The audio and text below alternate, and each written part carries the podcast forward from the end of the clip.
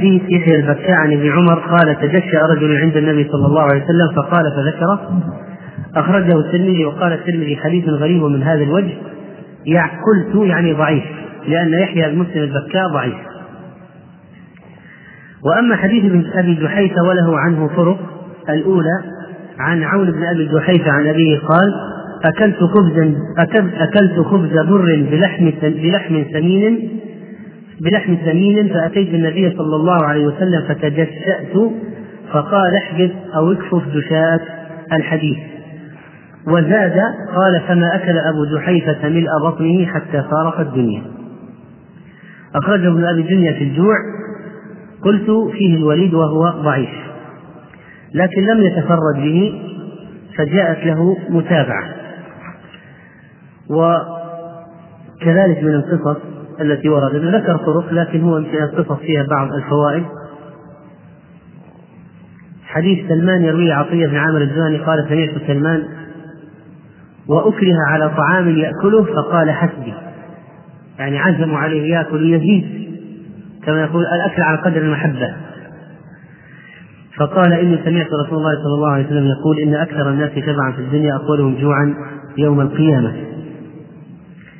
بعدما ذكر الشيخ طرق الحديث قال في آخره وجملة القول أن الحديث قد جاء من طرق عما ذكرنا من الصحابة وهي وإن كانت مفرداتها يعني كل طريق بمفرده.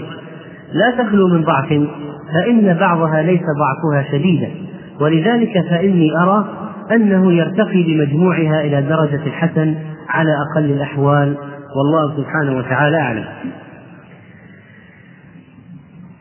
قال ابن مفلح رحمه الله في مسألة إذا تجشأ طبعا الحديث يدل على إيش؟ كف التجشؤ رد التجشؤ وهذا فيه أولا أيضا إقلال من الطعام وكذلك تغطية الفم حبس الصوت حبس الصوت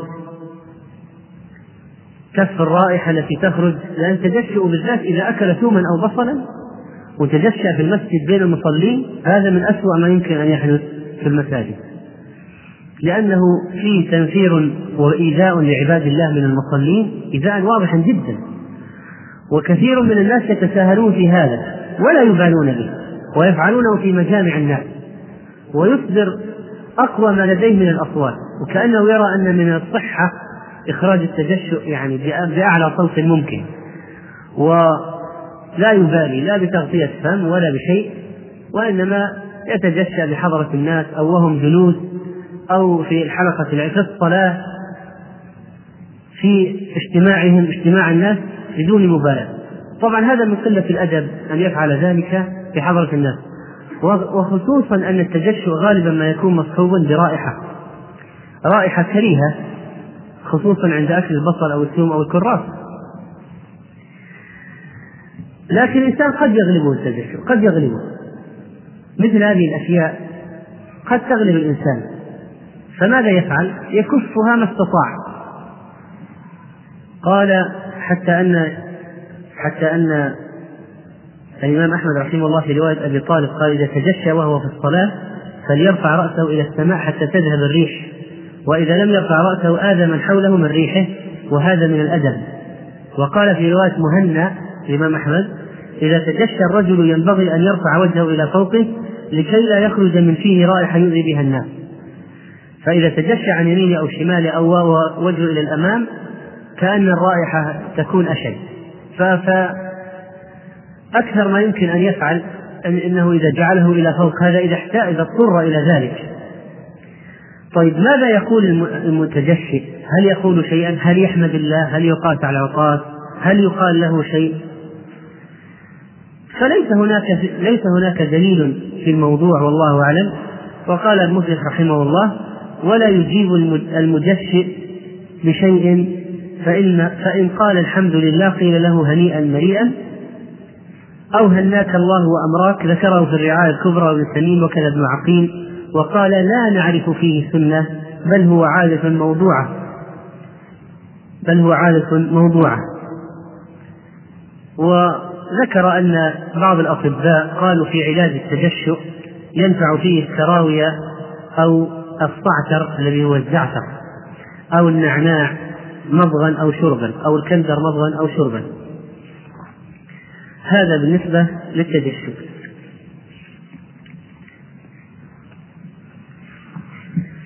أما بالنسبة للبصاق والتفل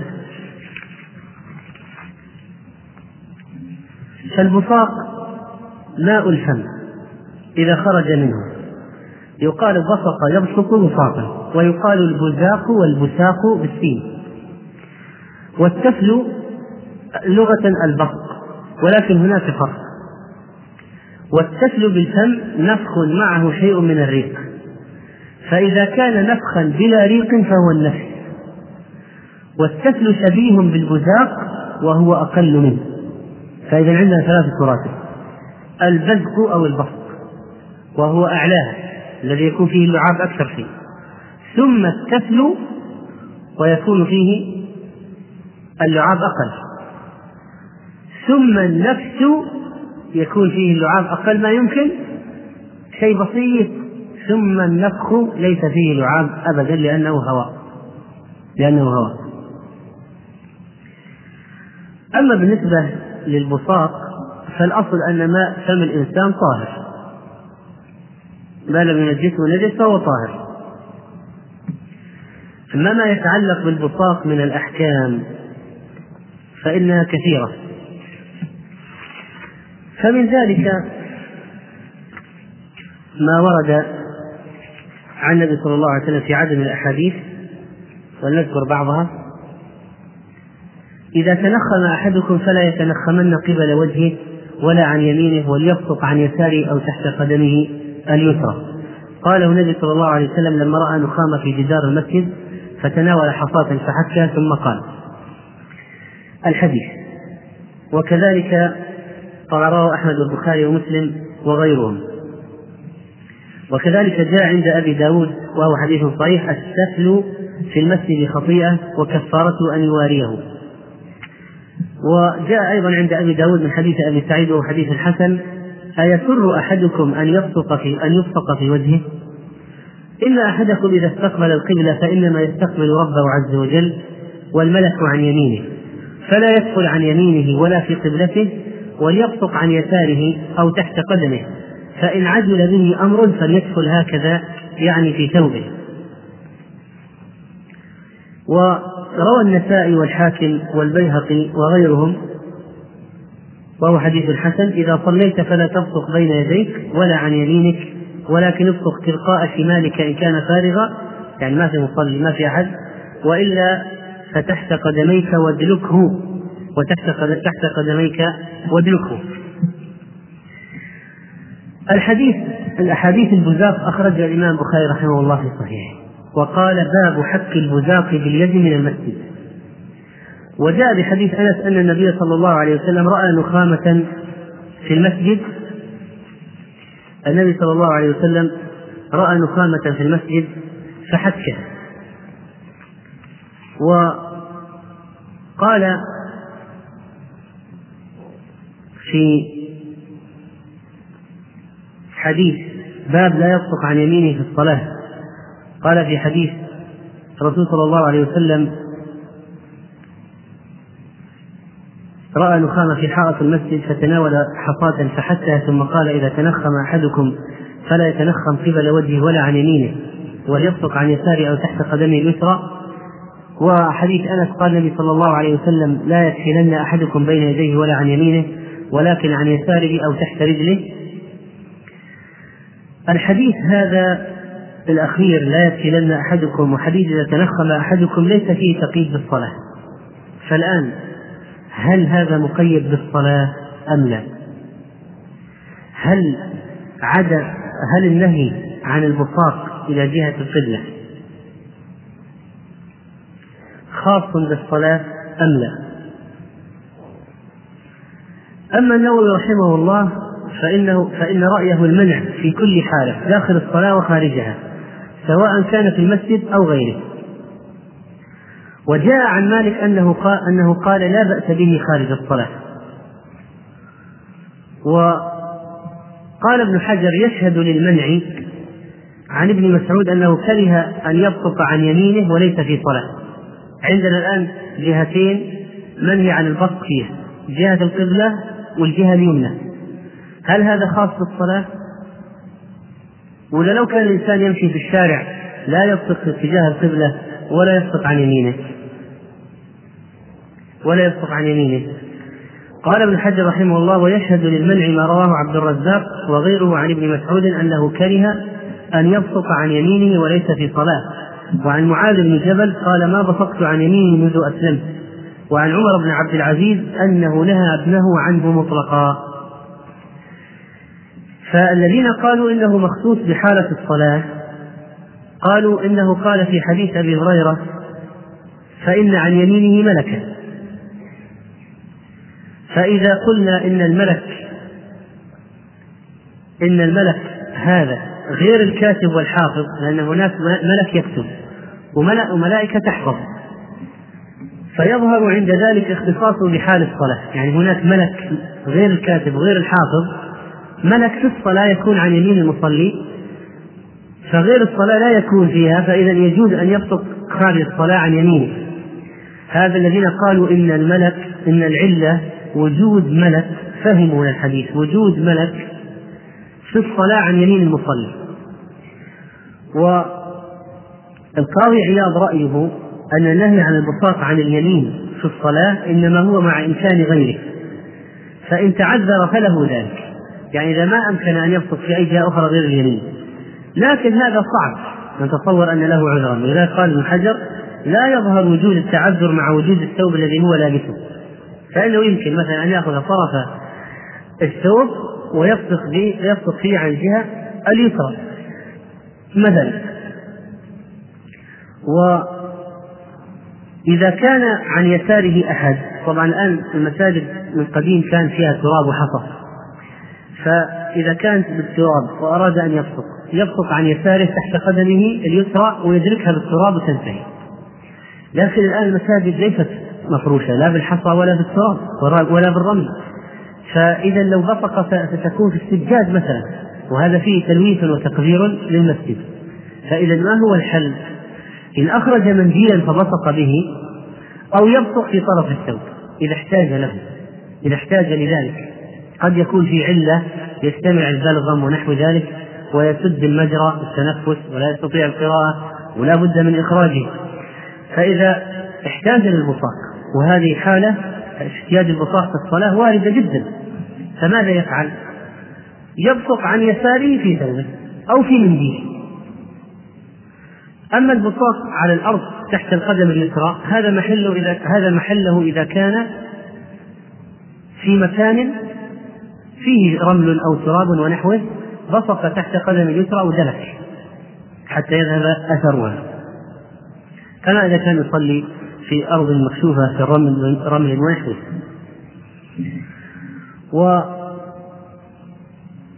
وإذا كان عن شماله شخص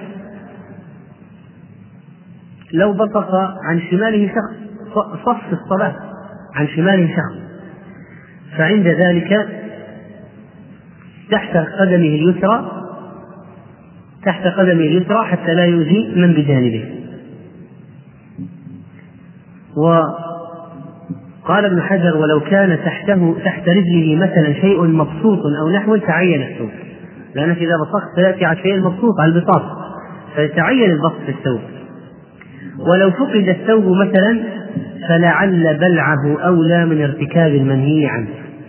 لا ثوب ولا شيء ولا وعن يسارك ناس. وفي بساط قال في النهاية فلعل بلعه أولى من ارتكاب المنهي إنك تقذر المسجد البساط أو تدخل عن يسار صاحبك أو آه، تفعل شيئا من الأشياء التي نهي عنها. و بالنسبة للنخامة والبساط طبعا النخامة والنخاعة شيء ينزل من الأنف إلى الحلق. وشيء يخرج من الصدر إلى الحلق. هذا الفرق بينهما. النخامة والنخاعة شيء ينزل من الأنف إلى الحلق يسيل. وهذه والأخرى شيء يصعد من الصدر إلى الحلق. فحكمها حكم البساط لكنها أشد من جهة أنها لعاب فيه شيء مخلوط به من من مما يتقذر به بزيادة. البلغم والنخامة والنخاعة أشد من مجرد البطاق. لكن حكمها حكمه يعني عن يمينك وشمال قضية اليمين والشمال ونحو ذلك حكمها حكمه. يعني إذا أراد أن يمتخط في الصلاة يمتخط في الصلاة فأخرج منديلا يلتفت إلى اليسار يمتخط هكذا يفعل ويمتخط وكذلك قال في باب كفارة البزاق في المسجد قال النبي صلى الله عليه وسلم البزاق في المسجد خطيئة وكفارتها دفنها. دفنها لأن المساجد من تراب ورمل فلذلك يمكن أن تدفن. والكفارة يدل تدل على أن من بصق في المسجد آثم. لأنه يعني لما قال خطيئة علمنا أنه آثم وأن لها كفارة. هنا قال بعضهم إنما تكون خطيئة إذا لم يدفن أما إذا دفن فلا تكون خطيئة. لكن هذا لعله ليس هو الأقوى لأن مجرد لأن مجرد فعله في المسجد لوحده فعله في المسجد لوحده فيه ما فيه. لكن قال ابن حجر رحمه الله تعالى يستدل برواية أحمد بإسناد حسن من حديث سعد بن أبي وقاص مرفوعا من تنخم في المسجد فليغيب نخامته أن تصيب جلد مؤمن أو ثوبه فتؤذيه. قال وأوضح منه في المقصود ما رواه أحمد والطبراني بإسناد حسن من حديث أبي أمامة مرفوعا من تنخع من النخاع في المسجد فلم يدفنه فسيئة وإن دفنه فحسنة. فلم يجعله سيئة إلا بقيد عدم الدفن. وفي حديث مسلم مرفوعا قال ووجدت في مساوي أعمال أمتي النخاع تكون في المسجد لا تدفن. فهذا يدل على رأي القائلين بأنها تكون خطيئة إذا لم تدفن. فإذا كان فإذا دفنت لم تعد خطيئة ولا تكتب خطيئة. وذكر قصة لطيفة روى سعيد بن منصور عن أبي عبيدة بن الجراح أنه تنخم في مسجد ليلة فنسي أن يدفنها حتى رجع إلى منزله. تنخم وأخرجها وألقاها ونسي أن يدفنها فرجع إلى منزله. ليلة يعني في الليل يعني صارت مثلا العشاء. فأخذ شعلة من نار ما في كهرباء ما في أنوار. أخذ شعلة من نار ثم جاء فطلبها حتى دفنها بحث عنها وين هذه النخامة؟ أين ألقاها؟ في أي مكان في المسجد؟ بحث عنها فطلبها حتى دفنها. ثم قال الحمد لله الذي لم يكتب علي خطيئة الليلة. فدل على أن الخطيئة تختص بمن تركها لا بمن دفنها. لأن هذا تراب لو ألقى عليه ما ألقى ثم دفنه زال المحذوف زال المحذوف والعلة المذكورة في الحديث إيذاء المؤمن فإذا دفنها زالت العلة. فإذا هناك من العلماء من يقول لا لا يلقيها في المسجد أصلا وهناك علماء يقول إذا دفنها فلا حرج في إلقائها.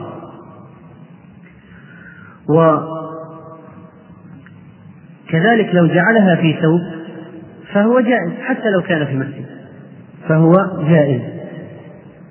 وعند أبي داود من حديث عبد الله بن الشخير أنه صلى مع النبي صلى الله عليه وسلم فبصق تحت قدم اليسرى ثم دلكه بنعله. إسناده صحيح.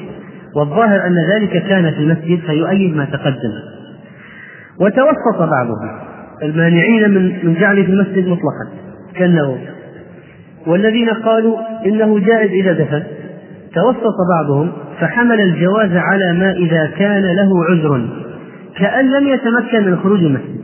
يعني لو كنت في المسجد واحتجت إلى إخراجها أخرج خارج المسجد وألقيها. لكن لو كنت ألقيها لكن لو كنت في الصلاة ما تتمكن من الخروج خارج المسجد وأنت في الصلاة. فماذا تفعل؟ فعند ذلك يجوز لك إلقاءها في المسجد لكن بدون تقدير أو تجعلها في منديل ونحو ذلك. قال ابن حجر رحمه الله وهو تفصيل حسن. والله أعلم. وينبغي أن يفصل أيضا بين من بدأ بمعالجة الدفن قبل الفعل كمن حفر أولا ثم بصق وأورى وبين من بصق أولا بنية أن يدفن مثلا. فأيهما أحسن؟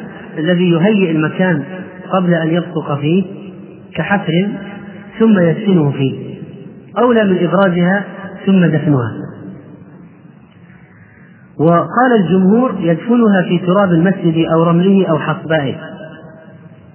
أو رمله أو حصبائه. طبعا هذا أيضا بناء على أن المساجد من تراب مفروشة بالتراب أو الحصى الحصباء الحصى الصغار. وأورد كذلك البخاري رحمه الله في باب دفن النخامة في المسجد حديث أبي هريرة إذا قام أحدكم في الصلاة فلا يبصق أمامه فإنما يناجي الله ما دام في مصلاه ولا عن يمينه فإن عن يمينه ملكا وليبصق عن يساره أو تحت قدمه فيدفنها. فهذا بالنسبة لاستدلاله بالحديث على كونه في المسجد على كونه في المسجد. وقال في حديث إذا بدره البزاق فليأخذ بطرف ثوبه. عن أنس أن النبي صلى الله عليه وسلم رأى نخامة في القبلة فحكى بيده. ورؤي منه كراهية. وقال إن أحدكم إذا قام في صلاته فإنما يناجي ربه فلا يبزقن في قبلته ولكن عن يساره أو تحت قدمه ثم أخذ طرف ردائه فبزق فيه ورد بعضه على بعض قال أو يفعل هكذا. إذا النبي صلى الله عليه وسلم أخذ طرف الثوب بصق فيه ورد بعضه على بعض كأنه أغلقه عليه ومسحه بحيث أنه لا ينتقل إلى شيء مصلي إلى شيء آخر. ثم قال أو يفعل هكذا. فإذا عرض البصاق فهذا الإرشاد إلى ما يفعل. هكذا تكون الطريقة. هكذا تكون الطريقة. طبعا الحديث فيه إزالة هذه الأشياء من المسجد وتفقد الإمام أحوال المسجد وإزالة الأذى بيدك. وهذا من تواضعه صلى الله عليه وسلم. من تواضعه صلى الله عليه وسلم. واستدلوا بالحديث على أن خروج الصوت مثل النحنحة والنفخ في الصلاة لا يبطلها. ولكن بعضهم قال إذا خرج منه أحرف هجاء تبطل الصلاة. أكثر من حرفين تبطل الصلاة لأنه صار كلاما عنده ولكن المسألة في قضية التعمد. إذا تعمد أن يتكلم في الصلاة بكلام أجنبي بطلت وإلا فلا لأنه إذا تنخم خرجت حرف الخاء على سبيل المثال يخرج. طيب هذا ما سنقف عنده في هذه في هذا الموضع. وبقيت بقية يسيرة في البصاق والمصاق والنخامة والنخاعة. نتكلم عليه إن شاء الله في يوم السبت القادم. وأريد أن أنبه الإخوان هنا إلى درس الشيخ عبد الرحمن البراك حفظه الله الذي سيبدأ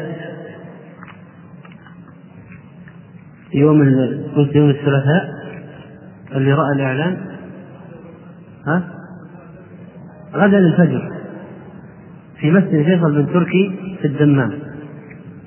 فاحرصوا على حضوره.